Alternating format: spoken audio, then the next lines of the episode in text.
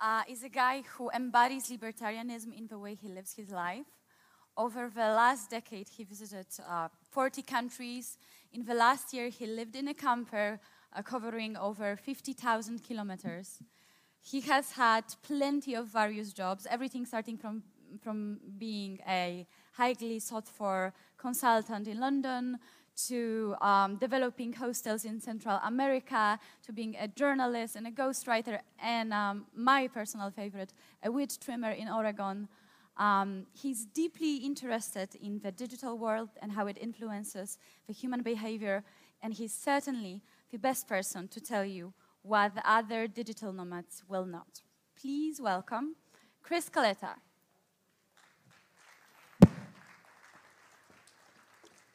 Hello, guys.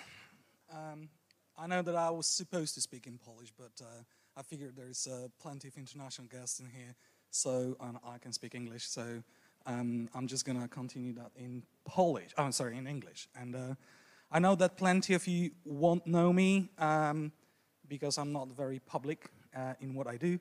But uh, my name is Kris, and uh, and I'm a wandering libertarian, and that's a concept that I guess uh, fits into the definition of a digital nomad. So I travel uh, around the world for the last eight years or so. Um, I'm working from different spots around the world, and uh, and that is my living basically. So, so yeah, here I am. Hello, everyone. Uh, so, uh, there is uh, there is this uh, popular notion nowadays that digital nomadism is great. You know, it's um, it's a great thing to go uh, somewhere in Thailand or somewhere in Nicaragua or Honduras, and uh, you know, open your laptop by the beach and uh, start uh, you know working in a completely remote place and do random things by the beach, and it's beautiful, and you know, everyone wants to live that lifestyle, and uh, and I have to tell you, it's not as beautiful as it looks like on photos and on videos, and uh, it's a little bit more um, troubling that it, than, than, you know, than uh, what, you would, what you, you would assume. First off, um, this nomadic lifestyle requires load, loads of um, different, um, well, background preparation, I would say, that uh, not everyone or not all of us would be able to, uh, to do. So first off, when you hear uh, about digital nomads, you think uh, you know that uh, it's just a person that works with laptops somewhere around the world, and uh, that these uh, these people that um, they are able to do that because they have you know remote position of sort. But in fact, there are probably about three types of digital nomads. one of them is basically something that we can call remote employee. And uh, that's a type of a person that is hired by the same, same company somewhere, you know, in, in Europe or in, in Asia and uh, in Americas, but works remotely from different areas of the world. And uh, that person is required to still work about, you know, seven, eight hours a day. Uh, they need to, you know, maintain the, the everyday tasks and basically they are working the same thing that they would do here in Warsaw in, uh, well, um, Domaniewska Street. Uh, they would do exactly the same thing, but in remote place. And it sounds great, you know. You, are sitting by the beach somewhere in, uh, I don't know, in Costa Rica, and uh, and uh, and you feel, you know, the sun in your hand, and and and, and you know, you feel it's it, it's a great thing. But imagine that you have to perform all the daily tasks when everyone around you just, uh, you know, smashes cocktails and rum and coke, and and they are, you know, super super easy and uh, chilling on, a, on, uh, on, on, on, some uh, you know, sunning bed and, uh, and you have to work. And it's, it's, it's a requirement because if you are not working, you won't be able to basically earn a living. It's not as great as it, you know, as it might sound on the, on the first spot that you're you know, just a, a remote digital uh, nomad and, uh, and, and you can do whatever you want because as a remote employee, you still require to work for someone uh, and he basically still bonded with uh, normal lifestyle of, a, of an employee. The second type of a digital nomad is something that we can call a remote freelancer. And uh, that's type of a person that uh, uh, chooses contracts from, from the market or looks for contracts on the market and performs, you know, the very freelancing sort of uh, um, work in different areas of the world. And that's better because you still have, you still have to look for, uh, for clients, for contracts and so on, but you're a little bit, uh, in, a, in, a, in a little bit better position because you can, you know, manage your time, you can shuffle your, your uh, workload, it's, it's, uh, you have a little bit more freedom with your life.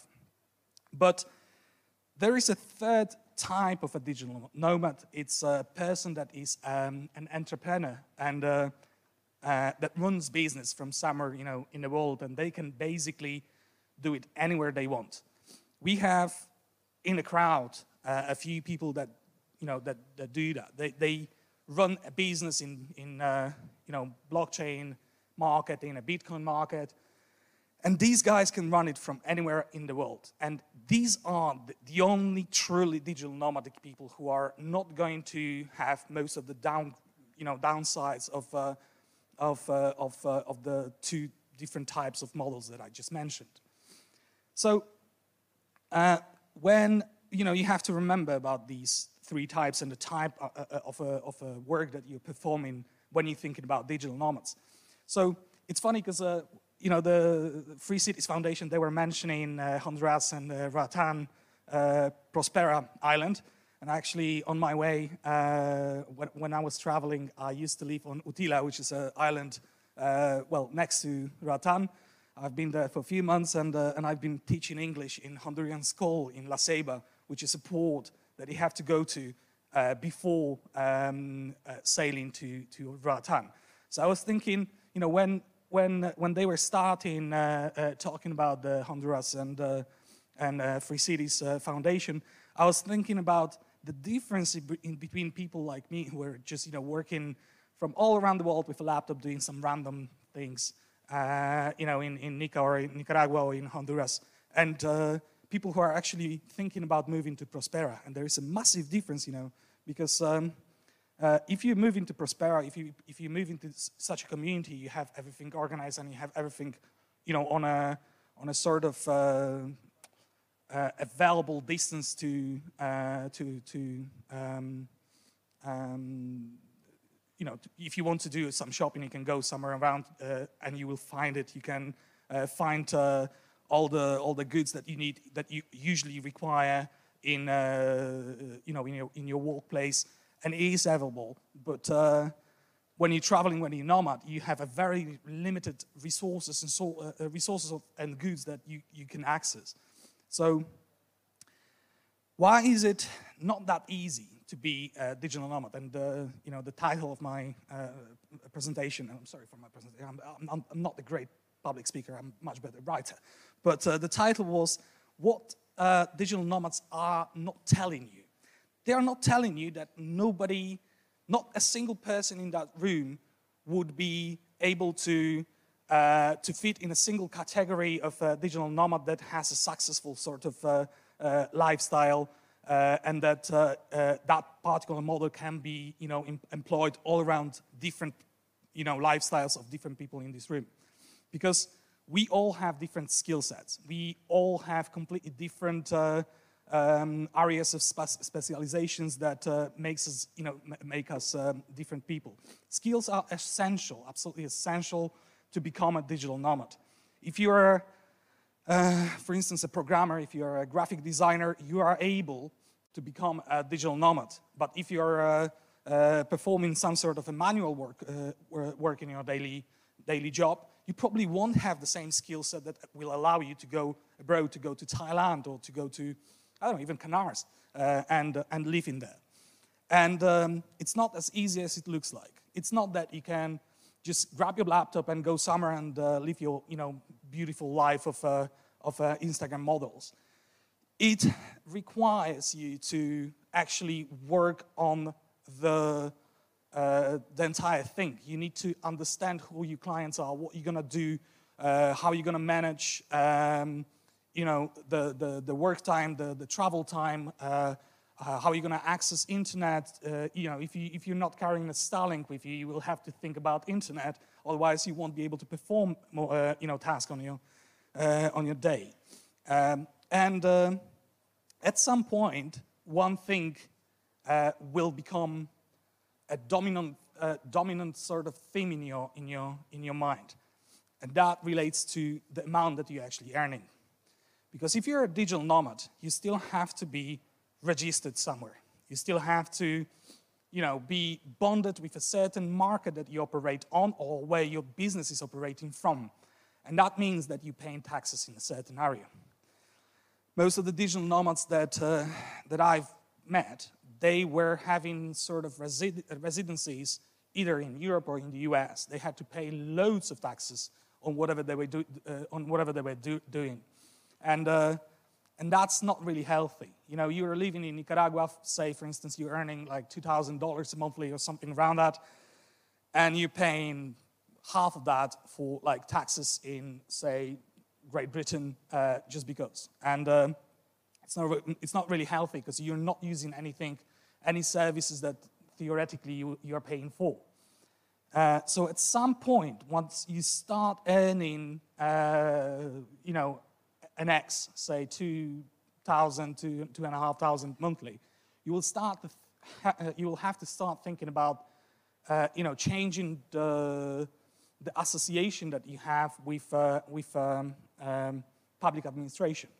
And you will have to start thinking about different ways to organ organize your, uh, you know, uh, your business um, look, allocation.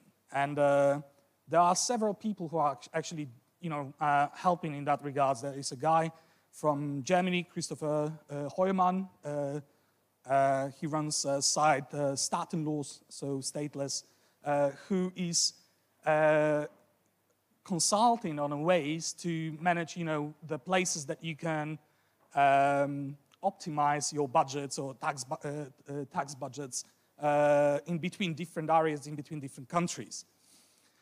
Uh, and um, so if you would like to become a digital nomad, don't look at the Instagram uh, photos. Start thinking about what sort of skills that you have uh, that makes you unique, that makes you uh, valuable on the market, and uh, then start thinking about how much you're going to earn and uh, where you can actually optimize your budget. So, for instance, if you're earning X, would it be better to run it from Poland, from the UK, from the US, or would it be able? Uh, would would you be able to start running that from Estonia, from uh, Paraguay, from uh, from Malta, Cy Cyprus?